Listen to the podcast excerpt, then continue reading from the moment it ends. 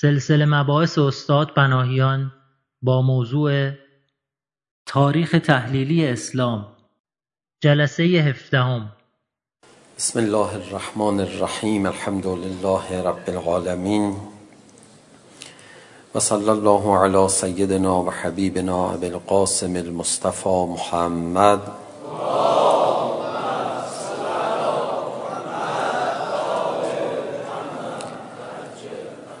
وآله الطيبين الطاهرين المعصومين سيما الحجة بقية الله الأعظم روحي وأرواح العالمين له الفداء اللعن الدائم على أعدائهم أجمعين إلى قيام يوم الدين رب اشرح لي صدري ويسر لي أمري واحلل عقدة من لساني يفقه قولي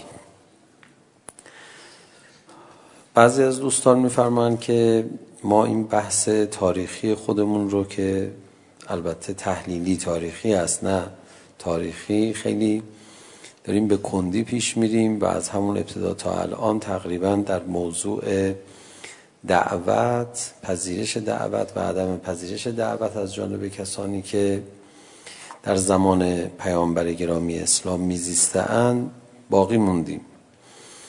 بنده کلامی از مقام معظم رهبری در دفاع از این روش پیدا کردم که اون کلام رو بهش اشاره کنم.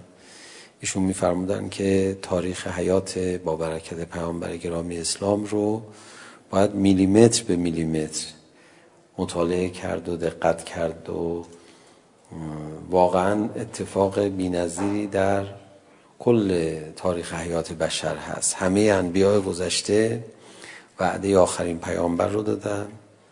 حالا بخوایم امروزی صحبت بکنیم. تمام تجربه پیشینیان در این نقطه جمع شده و تمام آینده هم بر همین نقطه اتکا داره. خب یقینا حادثه ها بی حکمت نیستن و باید هر حادثه ای از حوادث حیات با برکت پیامبر گرامی اسلام رو با دقت بیشتری بررسی کرد و حکمتش رو بیش از اون چیزی که تصور میکنیم به دست بیاریم و بفهمیم.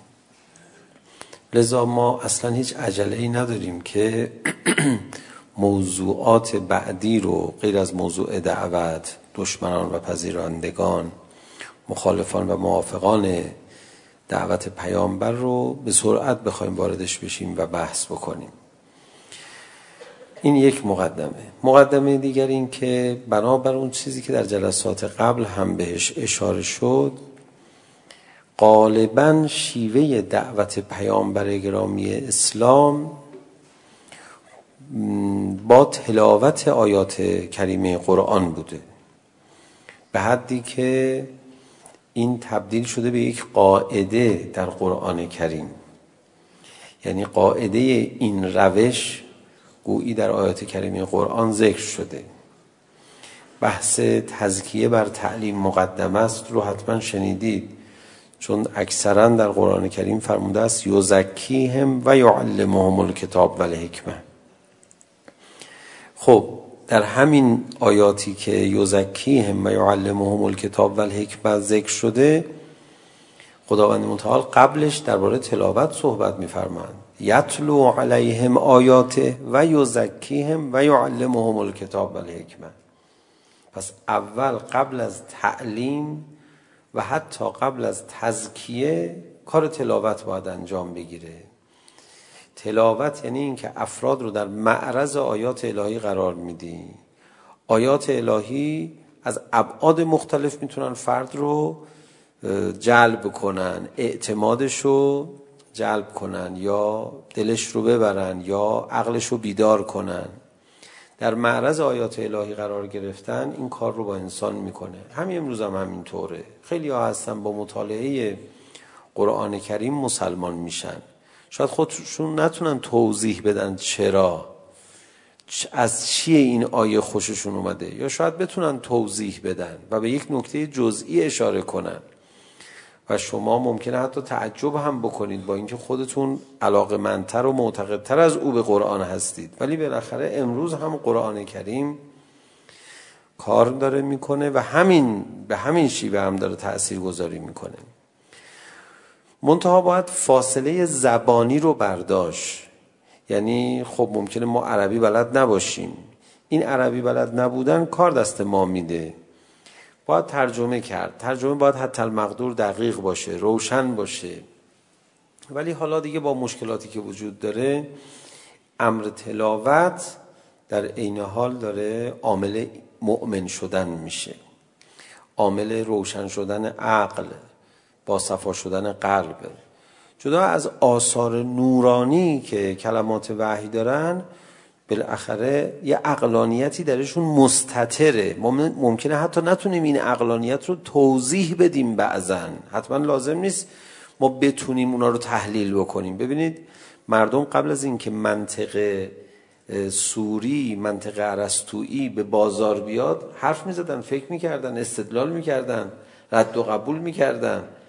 منطقه سوری هم که کاری نکرد. جز اینکه اون چیزی که بین مردم رواج داشت به اومد نظم داد. کشف کرد در واقع نظمی که در این گفتگوها وجود داره. نه اینکه تو قبل از اون مردم در منطقه سوری قور نکرده بودن قبل از اون اصلا منطقی حرف نمی زدن ربط و یابس به هم می بافتن نخه قبل از اون هم با هم منطقی صحبت میکردن.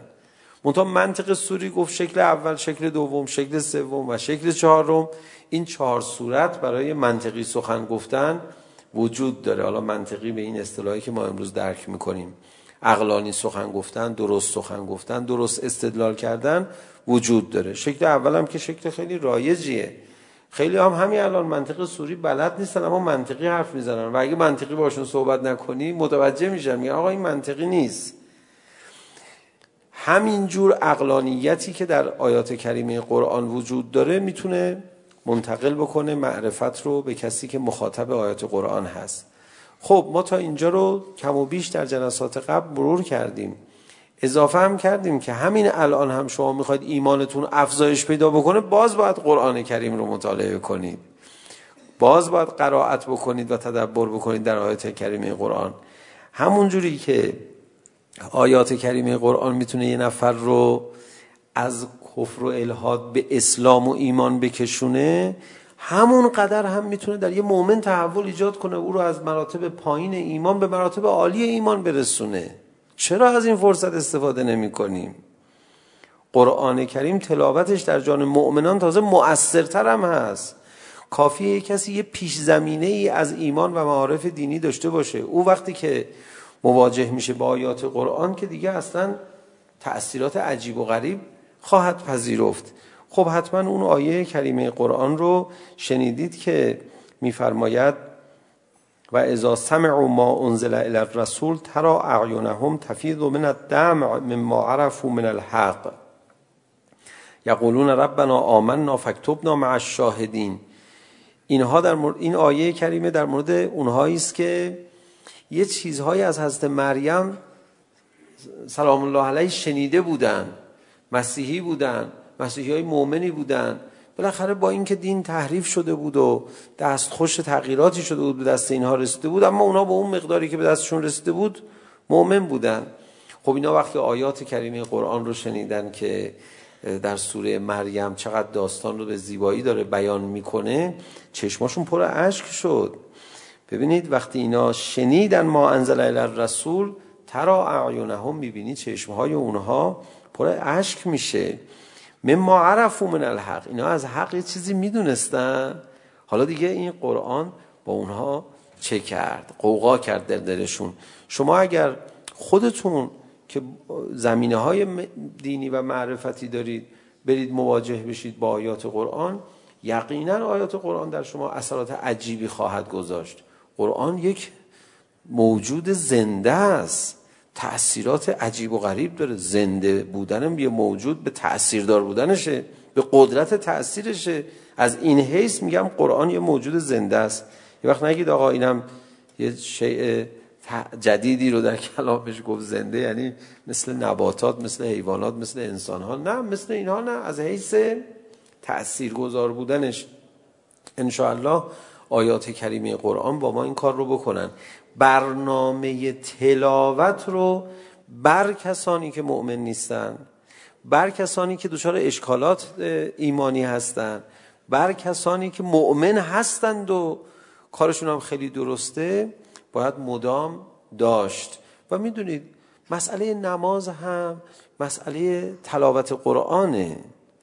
نماز چیزی جدای از تلاوت قرآن نیست. عملیات نماز که رکن رکین دینه یکی از دلایلش این است که نماز اجرای رسمی تلاوت قرآنه. وضو میگیری رو به قبله میستی با یک الله اکبر شروع میکنی آیات قرآن رو تلاوت کردن. با یک آداب مخصوصی. سجاده هم پن میکنی که بعد از قرائت قرآن یه آدابی رو باید انجام بدی. بعد که سوره حمد رو تلاوت کردی یک سوره دیگر از قرآن رو هم تلاوت کردی حالا باید در قبال این دو سوره که خوندی سه تا کار انجام بدی. یکی رکوع بکنی دو تا کار دیگه هم دیگه دو تا سجده بکنی. بلند شی دوباره قرائت قرآن بکنی. بعدش میتونی یه کار دیگه هم اضافه بکنی و اونی که قنوت بگیری و دعا کنی. و بعد باید اون آداب رو دوباره به جا بیاری. نمیدونم نگاه شما به نماز چیه. نمازی که امیر المومنین تعریف میفرماد اینه. اصلا نمیفرماد نماز میخونن. میفرماد اما اللیل فصافون اقدامهم تالین لاجزاء القرآن. ایستادن تلاوت میکنن قرآن رو. میفرماد با مثلا نماز میخونن. یقرؤون الصلات. میفرماد ایستادن قرآن میخونن. واقعا قرآن میخونن میفهمن نه فهم حانون علی اوساطهم مفترشون لجباه و کفهم و اطراف اقدامهم بعد از اینکه آیه قرآن خوندن در اثر این آیه ها خم میشن از وسط منظورشون اینه که رکوع میکنن خودشون رو فرش روی زمین میکنن منظورشون اینه که سجده میکنن و از خدا تمنای رهایی از عذاب دوزخ میکنن یه انگار گرایشی هم در ذکر سجده برای آدم داره امیرالمومنین علی علیه السلام روشن میکنه. نماز یعنی تلاوت قرآن. و این حداقل تلاوت قرآنی است که ماها داریم. اصلا نمیشه شما در طول روز حمد و نخونید. در این عملیات رسمی بعد شما رو بشه مسلمون و مؤمن اسمتون رو گذاشت. خب بریم اصلا شما همین مثل امیرالمومنین علی علیه السلام هم صحبت بکنین اشکال نداره. بریم قرآن بخونیم. یعنی چی قرآن بخونیم؟ میگیم قرآن بخونیم دیگه. مگه تو نماز قرآن نمیخونیم اصلا نماز محورش همین قرآنی است که میخونی. نماز نماز نمیشه مگر به وسیله سوره حمد. بریم قرآن بخونیم. اون تا سرود جمهوری اسلامی یه وقتی هستش که به صورت رسمی اجرا میشه. یه وقتی هست به صورت غیر رسمی. ما الان میتونیم سرود جمهوری اسلامی به صورت غیر رسمی بخونیم. میخواید با هم بخونیم؟ سر زده از افق. خب هیچ اشکالی نداره. این الان خود یه جملهشو خوندم.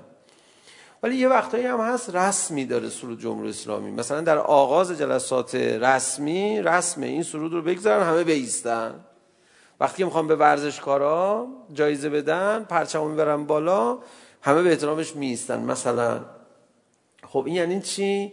یعنی سرود جمهوری اسلامی یه قرائت رسمی داره یه قرائت غیر رسمی. قرائت غیر رسمیش نوارش میتونی تو ماشین بگذاری. هر کی گوش بده نمیپره ماشین پایین زودینم بیسته.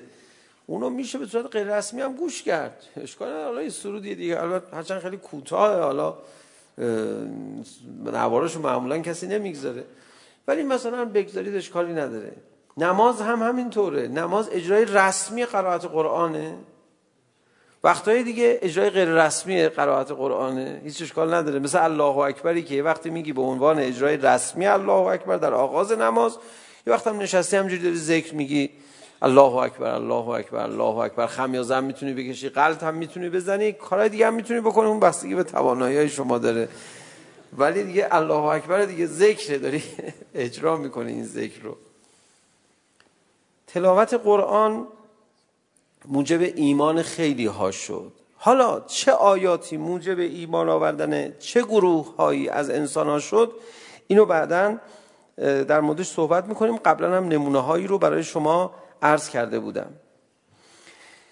پس علل قاعده غالبا وقتی در معرض مشاهده حق یا اهل حق یا کلام حق قرار گرفتن یا حکم حق قرار گرفتن ایمان یافتن. یکی از همسران پیامبر گرامی اسلام میفرماید که بسیاری از اقوام با شمشیر مسلمون شدن. با شمشیر منوش اینکه زوری نه منوش که در جریان یک جنگ. چون شمشیر رفت موانع ایمان رو برمی داشت. به کسی شمشیر نمیکشن تو حلقومش آقای مؤمن شو. موانع رو برمی داشت. قدبازی های بعضی ها رو برمی داشت. بعد که قدبازی های یه عده‌ای برداشته شد که مانع مؤمن شدن قومشون بودن خب بقیه مؤمن میشدن دیگه. چه مثلا دلیلی داره مؤمن نشن. البته ممکنه که بعضی ها مرعوب بشن و مؤمن بشن. که البته اینها براشون راه هست. اینا میتونن بعدا جزء منافقین محترم قرار بگیرن و بعد از پشت خنجر بزنن که بعضیشون اینجوری میکردن. ولی علت مسلمان آوردن خیلی از اقوام بنابر فرموده این همسر پیامبر گرامی اسلام شمشیر بود اما مردم مدینه با قرآن ایمان آوردن. یا آیه قرآن براشون خونده شد ایمان آوردن آیت قرآن رو برای همدیگه نقل کردن همجوری مؤمن شدن. این یک شرافتی است که برای مردم مدینه هست. بعضی ها دلایل ایمان آوردنشون چیزهای دیگه بود. مثل بله عثمان ابن مزعون ایمان آوردنش از سر حیا و خجالت بود. رسول خدا بهشون فرمودن که فلان تو ایمان نمیاری؟ میگه خودش تعریف میکنه میگه من گفتم نه. بعد روز بعد رسول خدا فرمود تو ایمان نمیخواد بیاری؟ بازم این میگه نه. دیگه بعدش میره پیش ابو طالب عثمان ابن مزعون و میگه که آقای ابو طالب این برادرزاده شما ما رو کشته هی اصرار میکنه. منم روم نمیشه. ده دفعه دیگه بهش بگه من واقعا خجالت میکشم. بعد ایمان بیارم. خب ایشون میفرماد خب ایمان بیار. سعادت دنیا آخرت در این در اینه. هست ابو طالب رو تشویق میکنه. دفعه دیگه رسول خدا میفرماد فلان تو ایمان نمیاری. بابا ایمان میارم چشم. لذا در روایات هست عثمان ابن مزعون اولش حیاءن ایمان آورد. خب؟ خدا خیرش بده. ولی بعدش ایمانش چجور شد؟ آخه هر کسی ایمان میاره بعد یعنی انگار رسم بوده اون اوائل بپرسن از اهل بیت که حالا بعد چی شد؟ خیلی رسم عالی هم هست. میگن بعدش مؤمن خوبی شد. اولش حیاء ایمان آورد ولی بعدش حقیقتا ایمان آورد. بعدی که وقتی از دنیا رفت پیامبر گرامی اسلام بر بدن او بوسه زدن. خب این شرافتی شد برای او و علامت حقیقت ایمانش شد. یا مثلا حمزه پیامبر چجوری ایمان آورد؟ اینا رو دارم در پی کدوم مطلب میگم.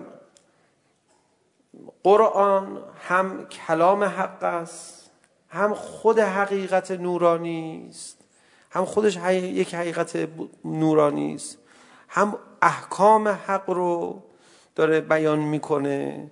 به دلایل مختلف میتونه عامل ایمان آوردن باشه. ولی شما حق رو و حقیقت رو میتونید در قالب قرآن هم نبینید در قالب خود وجود پیغمبر اکرم ببینید. و به دلیل یه پیوندی بین شما و این حقیقت برقرار بشه. مثل عثمان ابن مزعون که برای پیغمبر انقدر احترام قائل بود که ازش خجالت میکشید. بی احترامی نمیکرد انکارش نمیکرد. وجود شریف پیامبر گرامی اسلام رو براش احترام قائل بود. همین عاقبت به خیرش کرد. از سر شرمندگی و خجالت ایمان آورد. این حقیقت رو باهاش یه مقدار احتراما برخورد کرد. بعد سعادتمند شد نمونه داخل دینیش هم شما بعدها دارید هر از سر حیایی که کرد نسبت به مادر امام حسین. علیهما آلاف و تحییت و سنا بالاخره احترام گذاشت. همین شاید عامل سعادتمندی او شد. خب بعد از این که شما افراد مختلف رو میبینید میبینید بعضی ها به خاطر شنیدن آیات قرآنی که احکام خیلی منطقی و معقول و انسانی رو داره ذکر میکنه و میفهمیدن عقلا این احکام. بابا اینا کار درستیه رفتار درستیه. خب ایمان می آوردن بعضی از عدالت خدا تو آیات قرآن از اوصاف حضرت حق میشنیدن ایمان می آوردن دیگه حالا افراد مختلف بودن. من میخوام اینا رو بعدا بازم چند تا نمونه بگم که زیادم بحثمون غیر تاریخی نشه. بعد برای شما یک روایتی رو عرض کنم. تقدیم کنم. مثلا حمزه سید الشهدا برای چی ایمان آورد؟ روحیه حماسی داشت ایشون. میگن اصلا ایشون قوی ترین جوان عرب بود. کنیز او یا یک کنیزی از کنیزان بنی هاشم اومد گفت آقا من آیا حمزه شما نبودی من دیدم چگونه بی احترامی کردن به پیامبر گرامی اسلام. داستان رو گفت و حمزه سید الشهدا شمشیر رو کشید و اومد. جنگ نکرد نبرد نکرد ولی حسابی زد. اونایی که بی احترامی کرده بودن. و گفت اصلا من از این به بعد مسلمان. از سر جوون مردی مسلمان شد. یکی از سر حیا یکی از سر جوون مردی. حمزه سید الشهدا نه تنها از سر جوون مردی مسلمان شد بلکه بعدها ایمانش به یک حقیقتی رسید. انقدر عالی که یکی از بستگان کوچیک و جوون فامیل خودش رو امیر خودش خطاب کرد. به نام امیر المؤمنین علی ابن ابی طالب علیه السلام. و وقتی پرسیدن از امام صادق علیه السلام که چرا حمزه سید شهدا اینقدر مقامش بالا شد سید شهیدان مدینه خطاب شد و پیامبر گرامی اسلام رسمی رو برقرار کردن که مردم هر کی میخواست برای شهید خودش گریه کنه اول میرفت برای سید الشهدا حمزه گریه میکرد بعد میومد برای شهید خودش گریه میکرد اصلا تقاضا کردن رسول گرامی اسلام گریه کن نداره مگه هم... عموی من حمزه خیلی برخورد ویژه کردن در قرائت نمازی که برای بدن متحر او خواندن کاملا متفاوت رفتار کردن. هفتاد تکبیر گفتن. آقا اینا که دیگه کار ساده نیست. همجوری ما شعاری از کنارش بگذاریم. همه تمایز او رو فهمیدن.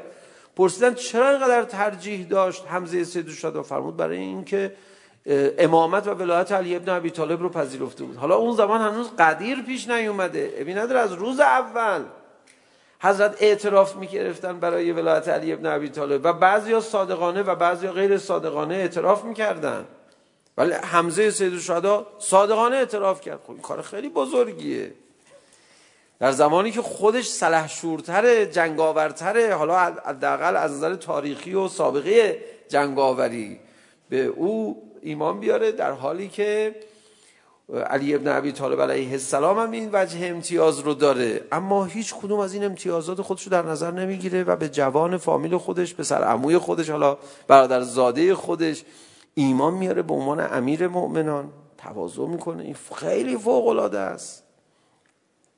هر کسی بالاخره به یه دلیل مسلمان شد. بله بعضیان بودن که به دلایل منافقانه از روز اول مسلمان شدن عجیبه.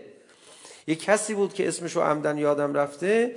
ایشون وقتی که اومد مکه بهش گفتن آقا تو نبودی شام بودی اینجا دعوی پیغمبری کرده از کسی فلانی یتیم عبدالله. گواره میدونم خبر دارم. گفتن خب چیکار کنیم؟ به فکری بکنیم. تو بالاخره یکی از پیرمردای ما هستی. گفت من ایمان میارم. گفتن تو ایمان میاری؟ اولا که مثلا کنیزا و غلاما و اینجور آدما معمولا ایمان میارن. آدمای به داغون ثانیا. تو این کاره نیستی. حالا مثلا آدمای با صفا ایمان بیارن اینا تو خودمونیم دیگه. گفت نه من میدونم من پرسیدم گفتن این شون حرفش درسته هر کی زودتر ایمان بیاره نونش تو روغنه میگیره کارش. گفتم برو این حرفا چی میزه گفت نه من میدونم. من میدونم کار ایشون میگیره. منم زود میخوام برم بهش ایمان بیارم که ایسی بهم برسه. حالا یه چیزی بهش رسید یا نه هم اونا رو دیگه من عرض نمی کنم از روز اول هنو دارن شکنجه میکنن مؤمن ها رو منافقانه ایمان آورده. به خاطر دنیا. و بعدش هم حالا ایمان نفوذ نکرده در قلبش. آخه بعضیا به هر دلیل ایمان میارن بعد ایمانشون قوی میشه. بالاخره بهانه های ایمان آوردن متفاوته. بعضی ها به بهانه عدالت ایمان میارن. به چه خدای عادلی خوشم اومد ازش. بعضیا به بهانه حماسه بعضیا به بهانه حیا بعضیا به بهانه نظم اجتماعی مقرراتی که پیامبر گرامی اسلام اعلام کرد. و هر کی به هر بهانه ایمان بیاره ضمن اینکه حالا این بهانه ها رو فهرست ان شاء الله خواهیم کرد امشب هر کی به هر بهانه ایمان بیاره میتونه در حد همون بهانه بمونه میتونه حقیقتا بیاد تسلیم بشه با تمام وجود. اگر حقیقتا تسلیم شد با تمام وجود این آدم مؤمن و مسلمون باقی میمونه. انقلابی باقی میمونه. اما اگر نه با سر همون بهونه موند. با همون بهونه چی میشه؟ کافر میشه. مثلا اگر حمزه سید الشهدا با بهونه مظلوم گرایی و با یک بهانه حماسی مثلا می اومد ایمان می آورد و میخواست سر همین بمونه و تسلیم نشه با تمام وجود. هیچ وقت نمیتونست به علی ابن ابی طالبی که از اون کوچیک‌تر ایمان بیاره. ولی علی ابن ابی طالب ایمان آورد. اگر عثمان ابن مزعون غیر از اون عثمانی است که خلیفه سوم شدن بعدها اگر او ایمان آورد سر حیا اگه میخواست سر همین قصه حیا بمونه آخرش بوسه بر بدن او پیغمبر اکرم نمیزد. هر کسی از یک جا شروع میکنه. ابی نداره اما این نقطه آغازه تو همین انقلاب هم همین اتفاق افتاد. اون آقا از سر منفعت طلبی اومد ایمان آورد ولی تو منفعت طلبی موند. یا آقای از سر عدالت گرایی ایمان آورد ولی تو عدالت گرایی موند. روزای آخر به پیغمبر اکرم گفت عدالت رعایت نمی‌کنی. یعنی چی به پیغمبر اکرم میگی عدالت؟ داری به پیغمبر اکرم اتهام گناه و معصیت میزنی. شاید تو درست نمیفهمی. به واسطه عدالت گرایی اومده مسلمون شده. چه بسا صادقانه هم اومده مسلمون شده. ولی تو عدالت گرایی مونده حالا دیگه حاضر نیست تسلیم بشه به حق. میریم که داشته باشیم نیمه دوم ماجرا رو. آقا چی شد؟ شما بنا شد که بالاخره هر کسی به یه دلیل ایمان میاره. مثلا یه کسی به دلیل مهربانی ایمان میاره. خب آقا با مهربانی شروع کردی. حالا میخوای تو مهربانی بمونی؟ باید به همه جای دین ایمان بیاری. نه دیگه. من اگه ببینم یه مسلمونی داره یه کسی رو میکشه این جلوه نامهربانی داره. ببین کشتن بجا عین مهربانیه. میگه ببین من به خاطر مظاهر مهربانی ایمان آوردم. یه جایی خلاف مظاهر مهربانی ببینم بی ایمان میشم مواظب من باش. و به جهنم به درک اسفل از سافلین که بی ایمان میشه ایمان یعنی تسلیم همه جانبه. برای ما اصلا ارزش نداره تو با چی شروع کردی. آقا تو به چه دلیلی ایمان آوردی؟ هر کی به یه دلیلی عشق پیدا میکنه. حتی تو همین انقلاب هم همین اتفاق افتاده. خیلی ها که میبینید الان جزء ضد انقلاب های بسیار محترم و شریف هستن و و کسی از ضد انقلاب ها به اندازه اونها نه میتواند خیانت بکند نه توانسته از جنایت بکند. در حق انقلاب اینها با دلایلی که اومدن انقلابی شدن تو دلایل خودشون موندن. حالا من یکی از این ضد انقلاب های بسیار محترم رو بخوام نام ببرم آقای منتظری که ایشون واقعا بیشتر از همه زندانی کشید. خیلی انقلابی بود خیلی نترس بود. ولی تو همین خصلتاش موند. همین نترسی و شجاعت که مقابل شاه داشت اومد مقابل حضرت امام هم اجرا کرد. و انقلابی بود یکی از دلایل انقلابیگریش توجه به محرومان بود تو همین حد باقی موند. یکی از حرفای ضد انقلابیش به خاطر برخی از مشکلاتی بود که مردم داشتن. های مشکلات مثلا بعد حضرت امام صحبت میکرد میفرمود که آقا این مشکلاتی که تو زندگی هست اینا بعضیش زمان حضرت هم باقی خواهد موند. شما ببینید جهتگیری چجوریه؟ روند به سمت بهبوده؟ آخه به چه به چه دلیلی؟ هیچ دیگه آقا ایشون خیلی خیلی دیگه انقلابی شدن. انقلابی هم باقی موندن. ولی شما با به چه دلیلی میای شروع میکنی؟ مؤمن میشی. آقا شروع ایمان به چه دلیل و بهانه ای باشه؟ شروع انقلابی شدن. شروع حزب اللهی بودن. به چه دلیلی باشه؟ یه نفر بود حالا اسم که قطعا نمیبرم یه جوری هم میگم که اصلا متوجه نشی از کسانی که میشناسی کدومشون هست. خیلی انقلابی شد. بعد خیلی بیشتر انقلابی شد. بعد وقت خیلی خیلی ضد انقلاب شدن این خیلی بیشترتر انقلابی شد. بعد کار به جایی رسید که خیلی ضد انقلاب شد. تو قصه 88 بعد خیلی از اونایی که ضد انقلاب شده بودن برگشتن انقلابی شدن دوباره. ولی ایشون ضد انقلاب باقی تر باقی موند و هی ضد انقلاب تر شد. و همینجور داره الان ادامه میده. خب ایشون باید دید که به چه دلیلی انقلابی شده بود؟ یه نفر به من گفتش که من حتی به من به من گفتن آقا برو باش صحبت کن. آخه این چرا؟ گفتم واقعا گفتن آره بابا به خدا برو صحبت کن باش شاید اصلا اشتباهی برطرف بشه. گفتم من رفقاش بیارید از پیشینش چیزی به من بگم اینم من مثلا بشناسیم بیشتر آقا ایشون روحیاتش چجوریه اینا. قبلا من گپ و گفتایی باهاش داشتم. بعد گفتن که بالاخره یه نفر با اولین نفری که صحبت کردم همکار نزدیکش بود گفت به نظر من باش صحبت نکن. گفتم چرا؟ گفت ما یه بار با ایشون رفته بودیم حج. ایشون وقتی که از حج داشتیم برمیگشتیم گفت بعدم اومد. دیگه من حج نمیام. گفتم چرا؟ گفت یعنی چی مسخره بازی؟ حالا مسخره بازی یا این کارا؟ وقوف در عرفات. وایسا تو مشعب بعد بیا برو تو منا چی مثلا؟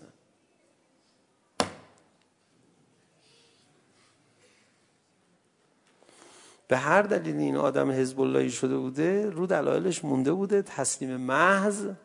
نشده صفا حجی که نامسلمون ها میرن اونجا شاعر میشن اصلا شعر میگن برای حج مست میشن و سرمست میشن حجی که مورد توافق همه فرق اسلامی هست تیپای مختلف اسلامی بعضا عرق خورا و ربا خورا هم میرن اونجا اونجا دیگه میگن آقا نوکر هم سنه خدایا ایشون اونجا بریده. دیگه کجا میخواد به پیونده معلوم نیست. بعد منم به رفقاش گفتم آقا من صحبت نمی کنم ما این کاره نیستیم. ما تاثیر کلام که اصلا نداریم ولی اگر هم داشته باشیم برای این جانور شریف اصلا نمیتونیم کاری بکنیم. یعنی این جنبنده محترمی که حج با دلش دریافت نکرده. چون اون تعبدیات دیگه. مگه به شما گفتن که آقا بیا؟ بابا مشرکین مکه حج به جا می آوردن. گفتم کی بوده این ماجرا؟ گفت خیلی قبل. قبل از فتنه 88 خب معلومه دیگه. آقا شماها که از چیزی بدتون نیومده تا حالا از احکام الهی. اینجای دین رو دوست دارم خب ببین نداره با اونجا شروع کردی. بعد حالا همه جانبه تسلیم شدی یه روایت براتون بخونم و اون جنبندی که گفتم به شما ارائه بدم ای خدای من امام صادق علیه السلام میفرماید عجب احادیثی رو مرحوم کلینی در کافی شریف جمع آوری کرده حالا ممکنه یکی دو تا روایت ضعیف هم توش باشه ولی غالب روایت ها بسیار روایت های عالی هستن انصافا یادتون باشه ها. معمولی نیست کتاب کافی. ان الله بعضی که از اساتید خودم پرسیدم که آقا چرا فلان روایت ضعیف رو که مثلا درباره تحریف قرآن هست. تحریف حالا یه جوری مثل تغییراتی مثلا دادن به برخی از آیات قرآن. این روایت خب روایت ضعیفی هست چرا این روایت رو تو مرحوم کلینی تو کافی آورده؟ اون استاد ما برگشت فرمود که به این دلیل که معلوم بشه. که آقای کلینی معصوم نیست. سر پای جواب داد به من. و جوابی شاید غیر از این هم وجود نداشت که به من بده. ولی جواب معناداری بود. این هم برای میان برنامه گفتیم که شما هم بدونید بد نیست. میفرماید ان الله امام صادق علیه السلام میفرماید ان الله عز وجل خلق قوما للحق خدا یه قومی رو آفریده برای حق اینا انگار گلشون برای حق سرشته شده اینا چه جوری هن؟ فاذا مر بهم الباب من الحق قبلته قلوبهم اگه به یه دری از دروازه های حق برسن و حقیقت میپذیرن و ان کانو لا یعرفونه اگرچه نشناسنش نفهمنش. نشناخته ایمان میاره. دلشه دیگه. میگه من نمیفهمم تو چی میگی ولی تو درست میگی. یا رسول الله من نمیفهمم تو چی میگی ولی تو درست میگی. آخ جانم به اینجور آدم ها اصلا شدت هیجان برداشت از این آی روایت شریف نمیگذاره. من روایت رو تمومش, تمومش کنم بعد سی به شما بگم. اگه برای یه کارهای خاصی آدم های خاصی خواستید از این طور آدم ها گزینش کنید. البته مطلق عرض نمی کنم ها یه وقت یه کسی تا معرفت پیدا نکنه ایمان پیدا نمیکنه و بعدش هم درست ایمان پیدا میکنه و مثل سلمان فارسی. سلمان فارسی چجوری ایمان آورد بحث ما کلا بحث دعوت دیگه باید هم هی از این جور مثالا بزنیم توی بحث دقت دارن دوستان دیگه ایشون خب حالا بنا بر یک نقلی که از ابن عباس هست که خودش تعریف کرده بوده برای ابن عباس میگه که من مجوس بودم دیگه پدرم خیلی منو دوست داشت و منو نگه می داشت مثل دوشیزه ها تو خونه بعد بهش گفتم من بالاخره سفر بفرست. اینقدر آدم بچه بچه مثبت بوده دیگه. بچه مثبت معنای درسته کلمه. نه به اون اصطلاح فجیعی که ما قبلا یادآوری می‌کردیم. بعد ایشون میاد و طرف مثلا شامات و اونجاها میاد. آشنا میشه با راهبه های مسیحی. میگه دین شما بهتر از دین منه. بله خب این پیامبر متأخر نسبت به پیامبر قدیمی شما پیاماش تازه تره و بالاخره مسیحی میشه. اون پیرمرد داشته از دنیا میرفته ازش میپرسه من برم پیش کی؟ فرمود برو پیش فلانی. یک استاد دیگری رو به ایشون معرفی میکنه. اون پیرمرد بالاخره داشته از دنیا میرفته میگه من برم پیش کی؟ میره پیش یک کسی توی روم. مثلا منطقه‌ش هم دوباره عوض میشه. بعد اونجا اون داشته از دنیا میرفته گفته من بعد از تو برم پیش کی پیرمردا به تورش میخوردن به عنوان بالاخره پیران معنوی و با معرفت خب یکی یکی از دنیا میرفتن دیگه ایشون هم که عمر ماشاءالله حضرت نوح که چرز بکنم ولی کمتر داشتن عمر طولانی داشتن ایشون میفرماد که ببین خودتون معطل نکن آخرین پیامبر بناس در منطقه‌ای به نام مثلا مدینه و مکه بیاد و اونو نداشو شنیدی برو سراغش. علامت او چیه؟ صدقه قبول نمیکنه هدیه قبول میکنه و یک خالی هم یک نشانه هم بین پشت کتفش داره و شانه راستش و اینها. یه چند جور علامت به ایشون میده. ایشون بالاخره در حوادث روزگار اسیر میشه و به بردگی کشیده میشه. میفروشن رو به یک کسی تو مدینه. وقتی که تو مدینه میاد میگه من این شهر رو شناختم. این شهر همون شهریه که بناس آخرین پیامبر بهم گفته بودن ساکن بشه. بعد رسول گرامی اسلام رو نداش رو میشنوه میره پیشش. ور میداره تا میفهمه ایشون آخرین پیامبر هستن. یعنی در واقع دعوت دارن میکنن به خودشون. یه سری خورما بر میداره. به صلاح داشته بردگی میکرده دیگه. میبره میگه آقا جون اینا صدقه است. آوردن برای شما. رسول خدا نگاه میکنه و بره میداره ازش بخوره. فرداش یه سری خورما میبره میگه آقا جون اینها هدیه است آوردن برای شما. رسول خدا میخوره و به اصحابش هم میگه میفرماد بخورید میگه خب این علامتش درست شد.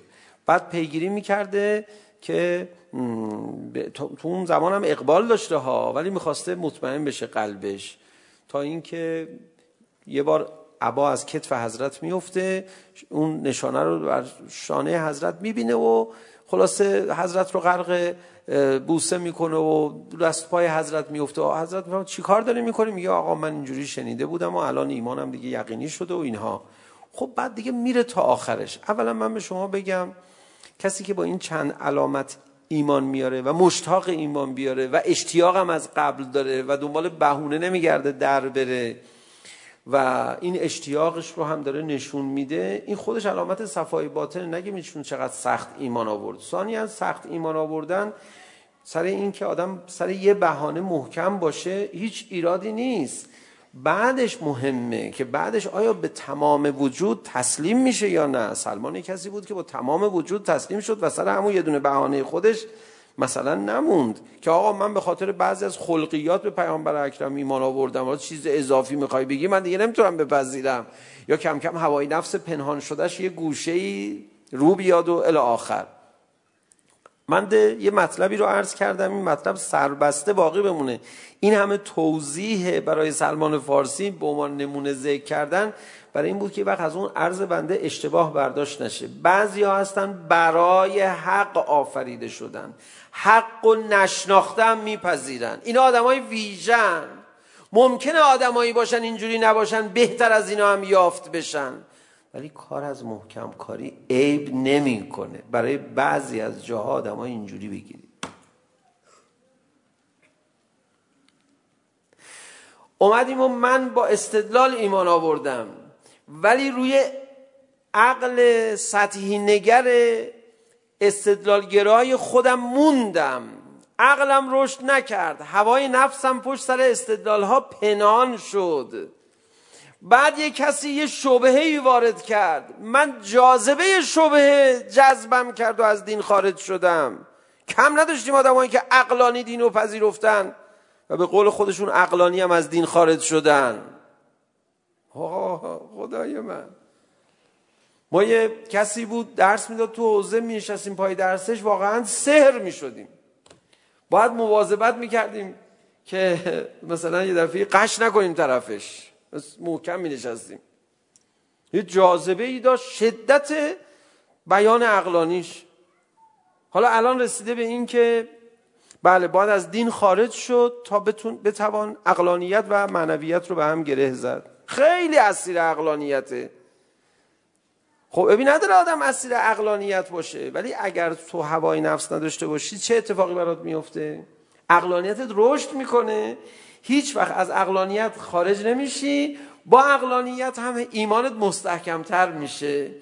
میشی مثل آقای بهجت که میفرماد آقای بهجت من فکر میکنم من نمیدونم روحیه ایشون نمیشناسم ایشون با چی آغاز کرده. ولی به شدت آدم عقلانی بود. خب به کجا رسید؟ به اونجا رسیده که میفرماد تمام این تعبدیات هم عقلانی هستن. اینا اصلا احکام ارشادی هستن نه مولوی. یعنی خودت هم بودی میفهمیدی صبح باید دو رکعت نماز بخونی. بابا ایول که شما میفهمی چرا باید صبح دو رکعت نماز خوند. چرا دو رکعت؟ چرا با این شیوه؟ چرا با این ویژگی ها خیلی هم عقلش اینقدر تیز بشه. تعبدیاتی که گفتن دیگه آقا توضیح نمیدیم ایشون توضیحشو بلده. نمیتونه به کسی توضیح بده ولی عقلش فهمیده. یه کسی با عقلانیت شروع میکنه. عیبی نداره شما با عقلانیت شروع کن. ولی اگه عقلت رشد نکرد در اثر هوای نفس و بعد اسیر عقلت شدی یه روزی از دین میبری با همین عقل ناقص خودت. حرف من اینه.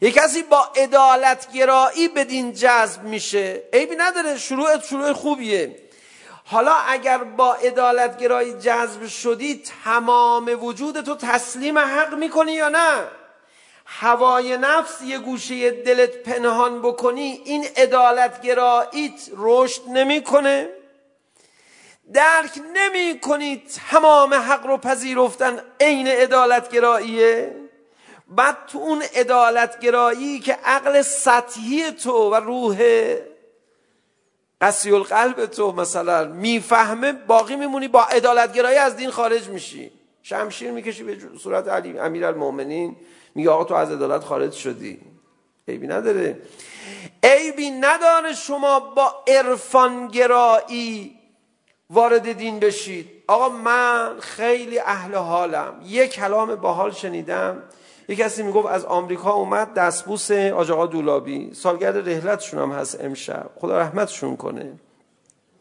دیدن آقا با زن و بچه از آمریکا اومده و داره خودشو میکشه برای آج آقا. آقا چی شد؟ بله ما اونجا یه شب خواب دیدیم که یه کسی یه کتابی به ما میده. این کتاب راه نجات ماست. بعدا بیدار شدیم و چند روز بعد کسی یک نوشته ای از آجای دولابی مثلا منتشر شده بوده به ایشون میده. میگه وای این کتاب چیه؟ من خواب نمی کسی کتاب مهمی به من میده؟ میگه حالا بخونش. فارسی هم بلد نبوده براش ترجمه میکنه و خیلی متحول میشه. میگه باید بیام. خب این آدم با عقل گرایی که شروع نکرده با عرفان گرایی شروع کرده. نه اینکه عقل نداره ها نه اینکه عدالت گرا نیست نه عرفان گرایی آغازش بوده. هر کسی با یه چیزی شروع میکنه مثل اون کسی که اومد پیش پیغمبر اکرم. گو آقا جون من به چی باید ایمان بیارم؟ چی شما میفرمایید؟ بگید ببینم من میپذیرم یا نه؟ فرمود بگون کسی ایمان بیار که تو تنهایی ها صداش میزنی. من به او دعوت میکنم. گو آقا من قبول دارم. آقا چه دل با صفایی داره. این چقدر حل روزه است. بیار ما چه دعای کامل براش بخونیم. چه آدم باحالیه. یه کسی صوفی مسلکانه البته نعوذ بالله از این تعبیر میخوام عرفان گرایانه اهل معنویت اهل صفای باطن اومده گرایش پیدا کرده خب بارک الله با این شروع کردی تو این نمونی ها اگه تو این بمونی یه دفعه میترسم بری کجا بری تو حلقه ذکری که تا صبح هوهو بگی و دیگه بی خیال بعضی چیزای دیگه بشی اینجوری شده. نشده تا حالا. ندیدید آقا. دیدید آقا یا نه؟ آقا امشب من خیلی سریع دارم صحبت میکنم. شما سریع جواب بدید.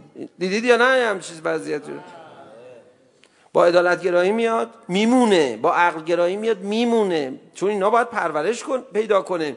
اگر عرفان گرایی تو پرورش پیدا کنه حال خوش معنوی تو پرورش پیدا کنه اون وقت مثلا با خدمت کردن به جمهوری اسلامی همجوری مثل ابر بهار اشک میریزی. آقا دای کمیل مگه؟ رفتی صد ساختی.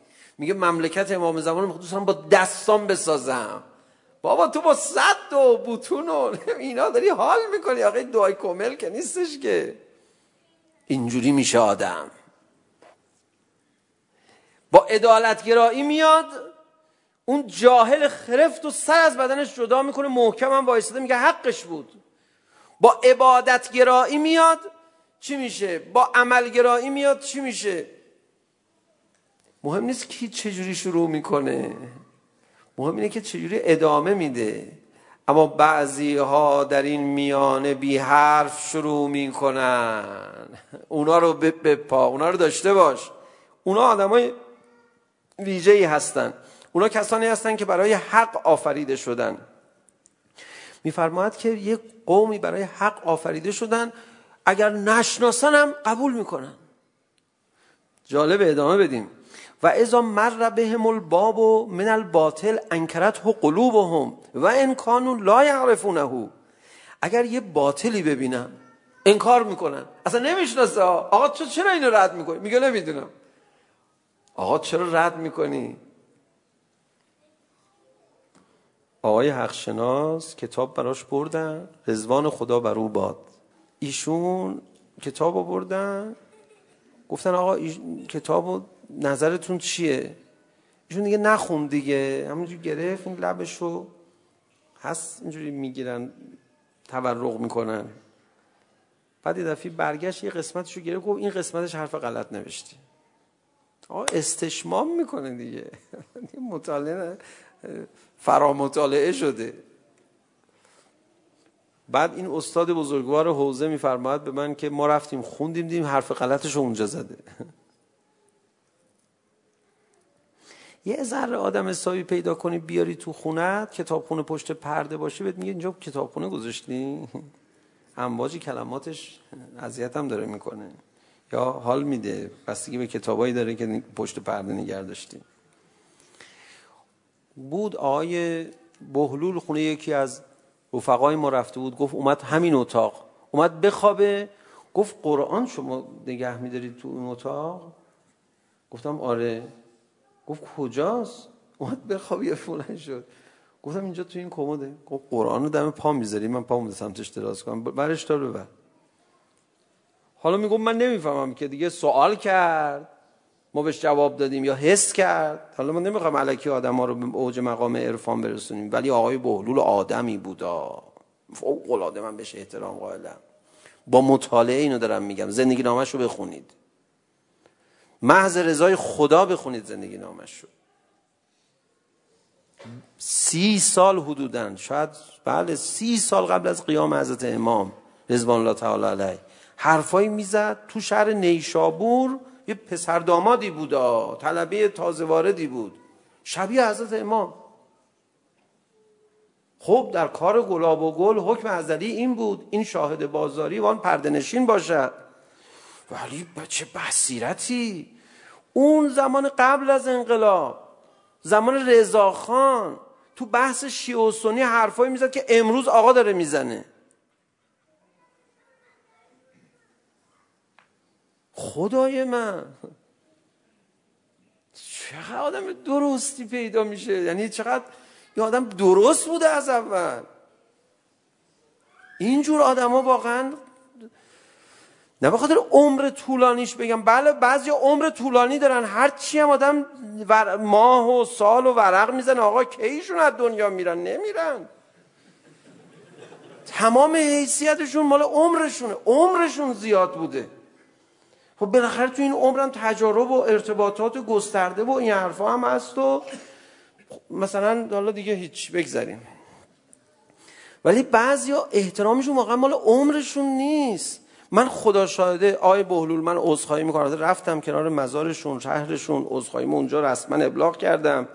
تو مراسمشون شرکت کردم سخنرانی هم کردم براشون و بعد بالاخره من فکر کنم آقای بهل دیده بودم ایشونو از نزدیک. خب ولی من آدم معرفتی که ندارم که گفتم خب آدم با صفای عمر طولانی یا آدم با صفا چه شود؟ بعد بصیرتش رو تو این خاطراتش خوندم. دیدم نه. میفرماد من قسط برای زند 15 سال زندان بوده ایشون توی افغانستان. خوندید خاطرات ایشونو؟ دو سه نفر کله مثبت تکون دادن به افتخارشون صلوات خط بفرمایید علی محمد و آل محمد ولی به افتخار خودتون بود اینجوری صلوات ختم می‌کردن به قول مجری های برنامه ناراحت می‌شدی یه صلوات درست حسابی ختم بفرمایید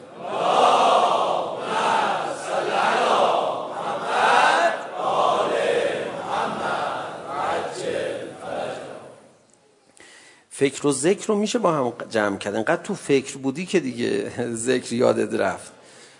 آقا ایشون میفرماد زندانبان ها بودن خسته میشدن. من براشون قصه میگفتم. اونا براشون برای هم دیگه قصه میگفتم من بهت براتون تاریخ بگم. از اول تاریخ اسلام شروع میکردم.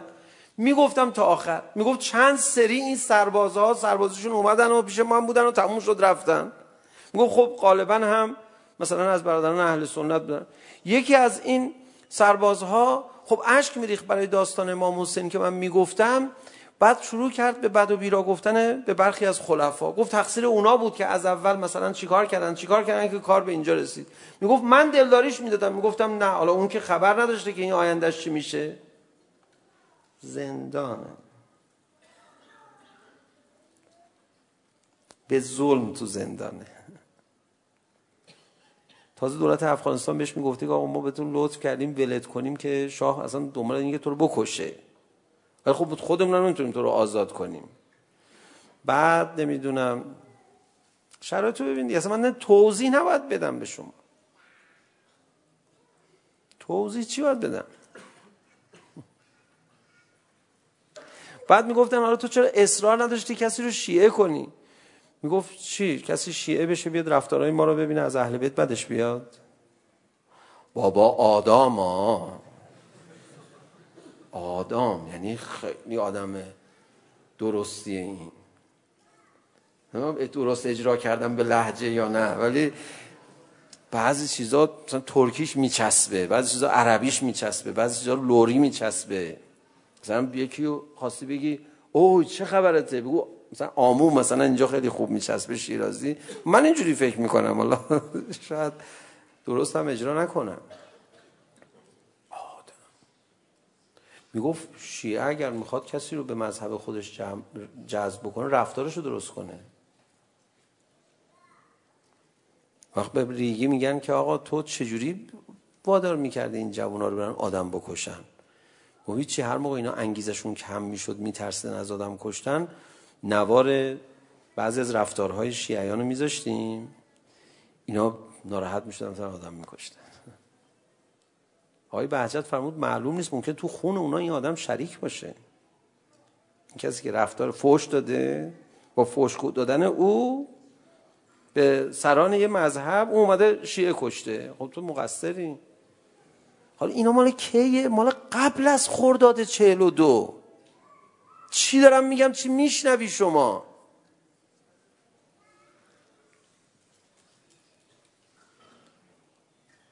بعضی فکر میکنن ما الان این بحث وحدت شیعه و سنی و اینجور رفتارها رو داریم باب میکنیم. نه بابا اوغلای قوم از ابتدا میفهمیدن عاقلانه برخورد بکنن. حالا من از احادیث امام صادق علیه السلام سخن نمیگم میفرماید باید مریض شدن ایادتش بری الان شما چند نفرشون این کارو کردید تو تهران؟ مریض شدن ایادت بری تشییع جنازه شدن باید بری تشییع جنازه باید بری خیلی حرف ها تو این زمینه ها هست. خدا ان شاء الله رو هدایت بکنه. آقا و اذا مر بهم الباب من الباطل انکرت قلوبهم. وقتی که یه بابی از باطل براشون باز میشد قلبشون انکار میکرد. و این کانو لا یعرفونه. و خلق قوما لغیر ذالک یه قومی هم خلق شدن برای باطل. ادامه بدید روایت. و خلق قوما لغیر ذالک خدا یه قومی رو برای غیر از این آفریده. فاذا مر بهم الباب من الحق انکرت قلوبهم. و ان کانوا لا يعرفونه. آقا اینا چه آدمایی هستن جانورانی هستن؟ اینجوری. وقتی یه حقی رو بهشون عرضه میکنی میگه نه. میگه بابا من که هنوز توضیح ندادم. میگه حالا اول نه. بابا هنوز میشناسی؟ گفتین نه. میگه نه همینجوری نه. میگه حالا توضیح دادیم من وقتی توضیح بدم اون قبول کنه میترسم. میگم نکنه این تسلیم علمش شده ولی دلش هنوز بیمار باشه. اصلا اینجوریه مسئله. چون مسلمانی یه وقت تسلیم شمشیر میشی یه وقت تسلیم منطق میشی. وقت اونایی که تسلیم منطق میشن دلشون درست نیست چی میگن؟ ها چی میگم بگید شما آقا این تسلیم عقلانیت و علمیه که آوردی استدلال آوردی خفش کردی تسلیم شد موقع مسلمان شدن چی میگه نه تسلیم شد دیگه میگه چی میگه فلان فلان شده چه منطقی حرف میزنه چه خاکی به سرمون میپذیریم میگه جهنم اینجوری میگه اوه فلان فلان شده چرا میگی؟ خواهی حرف درستی بگو. آخ جانم اینجا اینجوری کلمات رو استفاده میکنم. مامانت به یاد نداده؟ تا یه بار کار درست نکردی بهت بگی آخ جانم؟ میگه فلان فلان شده نگاه کن. هر راهی میری جلو آدمو میبنده. باش آقا جهنم پذیرفتیم. اینجوری میکنه. این دلش درست نیست. و ان کانو لا یعرفونه. و اذا مر بهم باب من الباطل قبلت قلوبهم و این کانون لا یعرفونه. یه بابی از باطل براش این درسته. این چی؟ حالا توضیحش بده. آقا ما که هنوز توضیح نداده چی میگی درسته؟ جنسش میکشه دیگه. خدای ما را جنس ما را درست بفرما. جنبندی خیلی طول کشید. یه گروه هستن ادالتگرا هستن. با ادالتگرایی دین رو شروع میکنن. عیبی نداره. ولی اگر در عدالت گرایی توقف کنن از دین خارج میشن با عدالت گرایی. یه عده‌ای با عقل گرایی شروع میکنن. عیبی نداره. با عقلانیت شروع بکنن. خیلی خوبم هست اتفاقا. دوستان این بسته ای که من تا آخر به شما میگم تا آخرش رو گوش بکنید. بلا پدر من در خواهند آورد ملت شریف.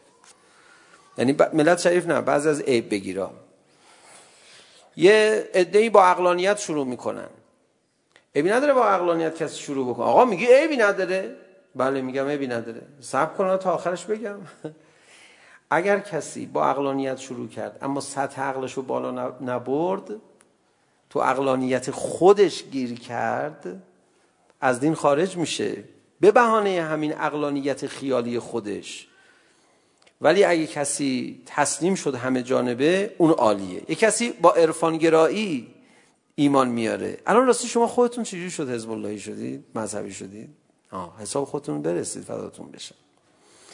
یک کسی از باب عرفان وارد میشه میره حرم امام حسین منقلب میشه. عیبی نداره از اینجا شروع کرد. ولی اگر توی همین عرفان گرایی سطحی ابتدایی خودش موند و پس فردا یه گریه کنه برای امام حسین دید که داره ریشه دین رو میکنه. گفت چون گریه میکنه برای امام حسین کارش درسته؟ میگه میگه ببین قاط زدی یا ببین. ها میگیم که داشته باش. بعضیا به شدت عملگرا هستن. بعضیا عبادتگرا هستن. عبادتگراها میگه اصلا با... نماز خوشش میاد. به واسه نماز پیوند خورده با دین. باری کلا خوبه ابی نداره. به واسه دعا و عبادت پیوند خورده با دین. باری کلا بعد رشد نمیکنه تو عبادت گرایی بعضی از اینا رشد نمیکنن. متوقف میشن تو عبادت. و بهش بگو به آدم سجده کن. میگه نه من 2000 سال جاش بعد نماز میخونم. تو عبادت خودش متوقف شده هوای نفسش رو پنهان کرده با عبادت خودش رو درست نکرده. تسلیم نشده به صورت همه جانبه. میشمارم اینا رو. عقلگراها عبادتگراها عملگراها. بعضیا واقعا وقتی که ببینن دین عملا به نفعشونه. دین کارآمدی داره در جامعه. به دین گرایش پیدا میکنن. یه دفعه میرسن به عدم تساوی ارث در تقسیم بین زن و مرد. میگه نه این چه رفتار غیر منطقیه ببین تو دیگه تو همون سطح پایین عملگرایی خودش متوقع نه این کارآمد نیست. این نمیتونه این نمیتونه دین دین نمیتونه جامعه رو اداره بکنه. باید یه قسمتی از دین رو تغییر بدیم. اینا هر هر کدومشون یه گروهی هستن که ایمان میارن.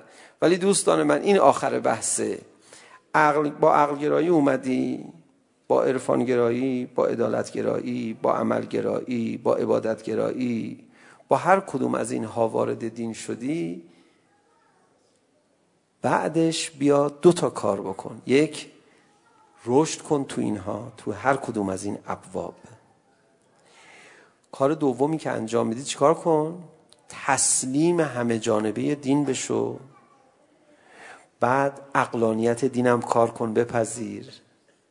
عدالت دینم کار کن بپذیر.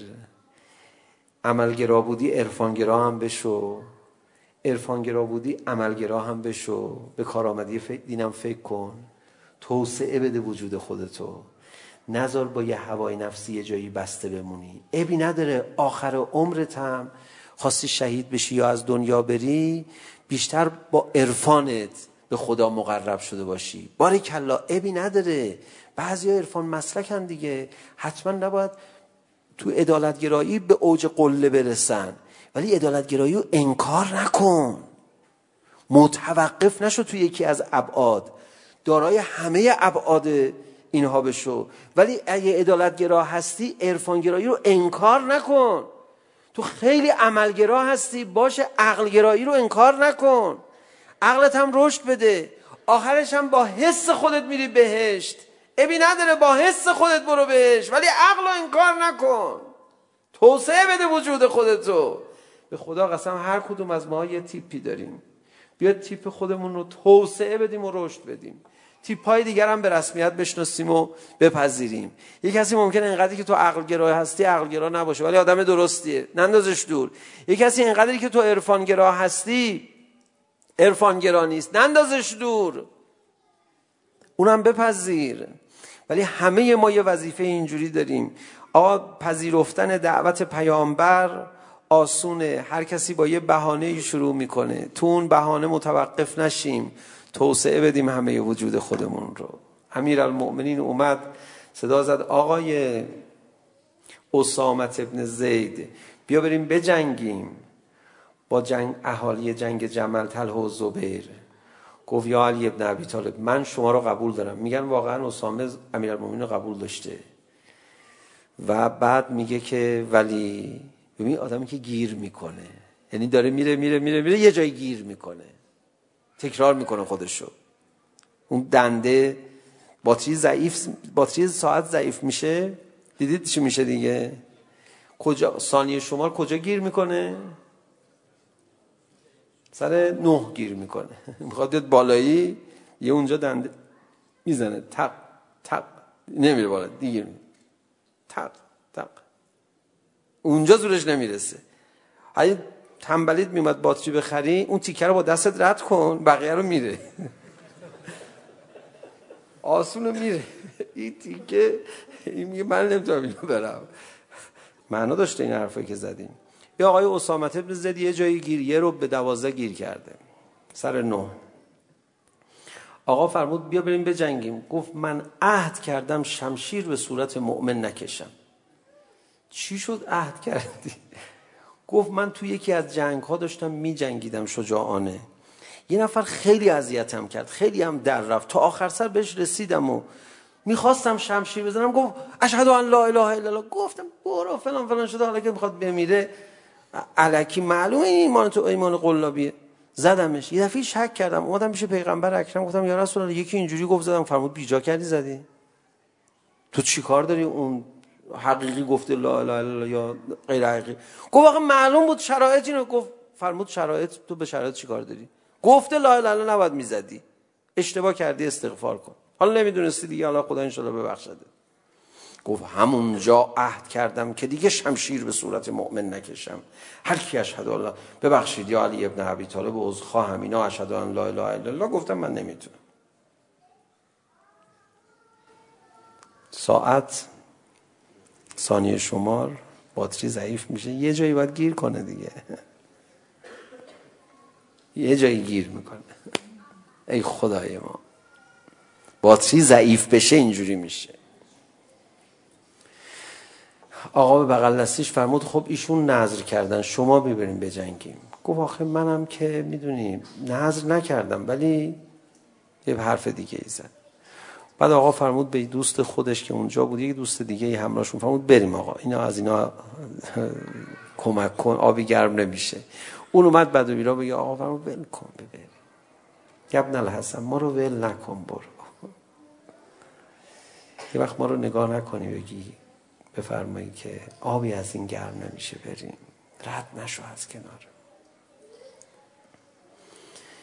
خدا نکنه یه روزی اسامه بازی در بیاریم مقابل شما یبن الحسن. بونه بیاریم. ولی کاش علی ابن عبی طالب یه سیلی تو گوش اسامه میزد. اگه خودی بود شاید میزد یا یه نهیب حداقل یه فریاد سرش بزنه. خجالت نمیکشیم ولی هیچی بهش نگفت لکل عطبا لکل عطبا حتی ترزا یبن الحسن منو اتابم بکن ولی ازم راضی شو ول نکن منو برو اینو بگید به امام زمانتون میدونید پنج شنبه ها پرونده اعمال ما رو طبق روایتی میدن به دست رسول الله الاعظم اینو بگید به رسول خدا یا رسول الله لکل عطبا و لك العتبا حتی ترزا از کنار ما رد نشو بهونه آوردی ما یه نگاه به ما بکن خجالت بکشیم لااقل ما رو به حال خودمون ول نکن نفس ما بهونه گیره جانم به ابا عبدالله الحسین اومد خیمه عبدالله ابن حر جوفی میای منو کمک بکنی او آقا من از کوفه خارج شدم برای اینکه شما رو باهات مواجه نشم میدونم کارت گره خورده آقا فرمود گفتم شاید دوست داشته باشی پسر فاطمه از خودش ملوال پسر فاطمه یاد کرد بخواد کمکت کنه سنگین پروندت عبیدالله یه نهیب که چرز کنم. نوازشش کرد. بدبخت بیچاره بیدار نشد. گفت آقا شمشیرمو میدم اسبمو میدم. ولی خیلی شمشیر خوبیه ها. خیلی اسب خوبیه ها. آقا فرمود نه من خودتو میخواستم. بریم آقا. رفت. تا آخر عمرش توی خرابه میگن خاک به سر خودش ریخت و مرد. میگفت همای سعادت اومد در خونم و زد من به شد جواب رد داد. و تا میگفت حسین گریه میکرد. میگفتن چرا گریه میکنی؟ گفت دو تا علت داره. مناجاتمون با امام حسین بکنیم و روزه رو بخونم براتون. مناجات چی بود؟ یا ابا عبدالله.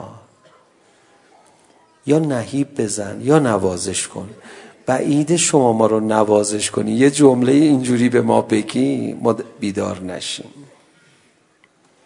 میخوای پاکت کنم میخوای پاکت کنم یه نفر خیلی آدم عرقخور و بد بدی بود تو بصره یا بغداد کوفه بود نه تو بصره بود گویا به یکی از یاران امام صادق هم با یکیشون همسایه بود. زراره بود گویا. اومد گفتش که فلانی بس کن جمع کن. گفت من دیگه آلوده شدم خراب شدم من درست شدنی نیستم. چندین بار بهش گفت ببین ول کن اینا رو. این داشت میرفت مدینه. یه دفعه همسایه اومد گفت ببین داری میری مدینه پیش صاحبت هم میری دیگه. امام صادق رو قبول نداشت. یعنی به امامت و اینها معتقد نبود. گفت ولی صاحب توه دیگه میدونم گفت آره میرم پیشش گفت مگر اینکه به ایشون بگی برای من یه کاری بکنه ولی من خودم آدم شدنی نیستم اومد پیش امام صادق علیه السلام آقا فرمود خوب از همسایت چه خبر گفت آقا جون شما که میدونی گفته مگر اینکه صاحب تو برای من یه کاری بکنه آقا فرمود برو بهش بگو که هر چی گذشته داشتی من ضمانت میکنم ببخش خدا. به شرطی که دیگه دست نزن. گذشته با من. آقا این زیارتاشو کرد و برگشت. همه مردم اومدن به دیدن این آقا که از مدینه و مکه اومده. اینم اومد. یه دفعه دیدش گفت تو بشین. گفت گفتی به صاحبت. گفت آره پیغام دارم برات. گفت خب صاحبت چی گفت؟ چیکار کرده برای ما؟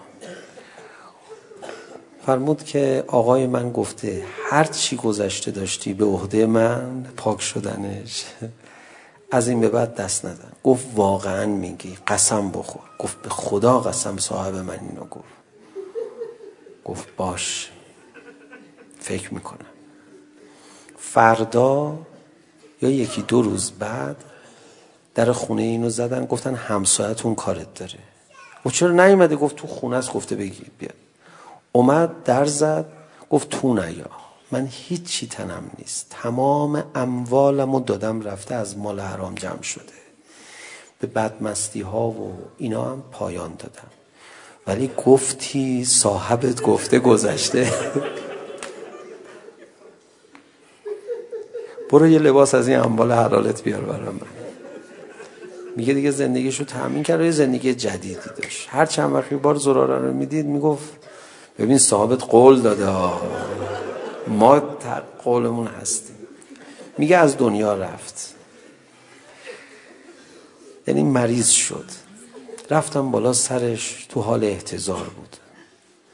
یه دفعه لحظه جان دادن چشماشو باز کرد یه لبخندی زد. السلام علیک ابن رسول الله. برگشت به من گفت زراره. اربابت وفا کرد چشمشو بست از دنیا رفت زراره میگه من اومدم یا همون یکی از اصحاب امام صادق اومدم مدینه از در وارد نشده بودم امام صادق صداشو بلند کرد فرمود زراره ما وفا کردیم به عهدمون گفتم آره آقا خودم اونجا شاهد بود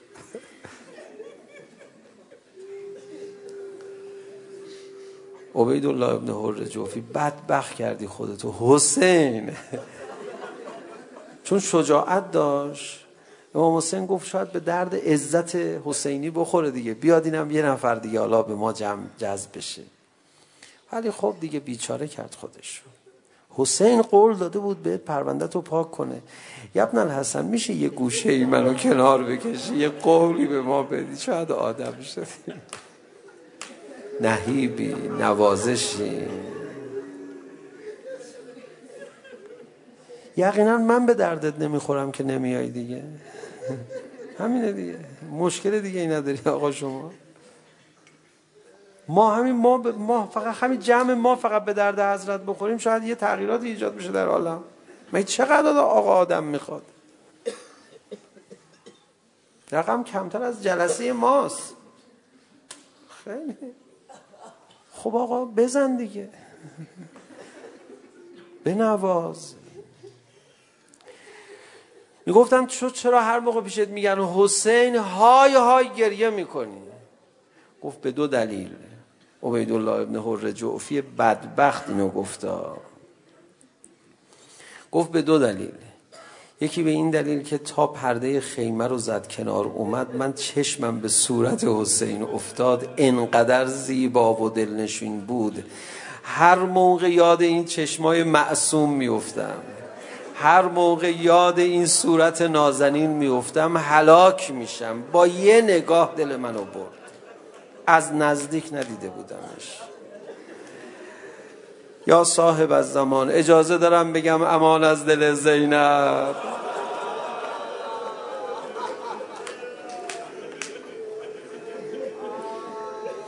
گفتن دیگه چرا گریه میکنی؟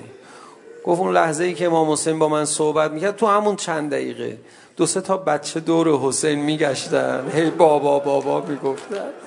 معلوم بود خیلی به بابا وابستن خیلی بابا رو دوست دارن آقا مدام دست رو سر اونا میکشید. باشون بازی میکرد. موندم اینا بعد از حسین چی کشیدن؟ بیان معنوی نقطه آی آی